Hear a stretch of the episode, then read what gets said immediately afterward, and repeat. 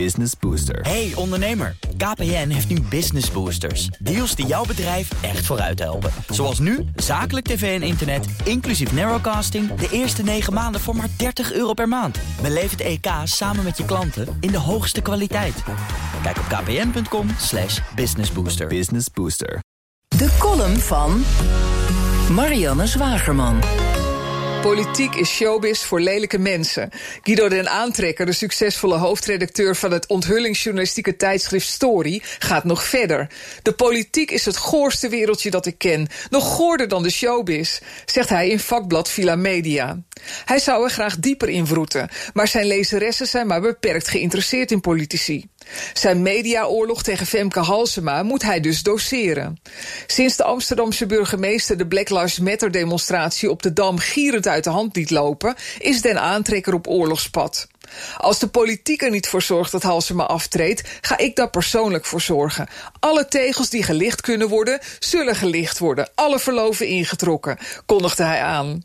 Ik nam speciaal een abonnement op tijdschrift.nl, de Spotify voor magazines, om maar niets te hoeven missen van de Femke-files. De echte Dirt laat nog op zich wachten. Story is net als de andere tijdschriften van het vroegere Sanoma ingelijfd door de Belgische persgroep, die ook al het grootste deel van de Nederlandse kranten in heeft. De interviewer van Villa Media wil van den aantrekker weten of hij niet binnen de persgroep voor een krant aan de slag moet met zijn politieke ambities. Maar ja, waar kan hij heen? Het AD is braaf en erg politiek correct, oordeelt een aantrekker.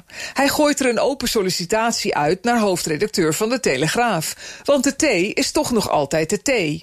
Maar dat minst brave jongetje van een steeds braver wordend mediaklasje viel eerder ook al in handen van keurige Belgen, die wisten hoe snel ze van geen stijl afscheid moesten nemen. Terwijl ook daar de echt scherpe kantjes al lang bot geworden zijn. Net als bij alle andere grote nieuwsmerken.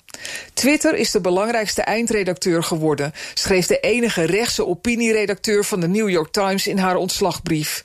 Het werken werd haar door haar woke-collega's onmogelijk gemaakt. Gisteren was zomergast Typhoon tot laat in de middag trending op Twitter. Na de uitzending van Zomergasten keek bijna niemand. Een dieptepunt in het bestaan van het programma.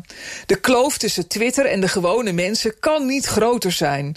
Hoe kan het toch dat wij onze media in dit overwegend rechtstemmende land laten kapen door een luidruchtige linkse minderheid?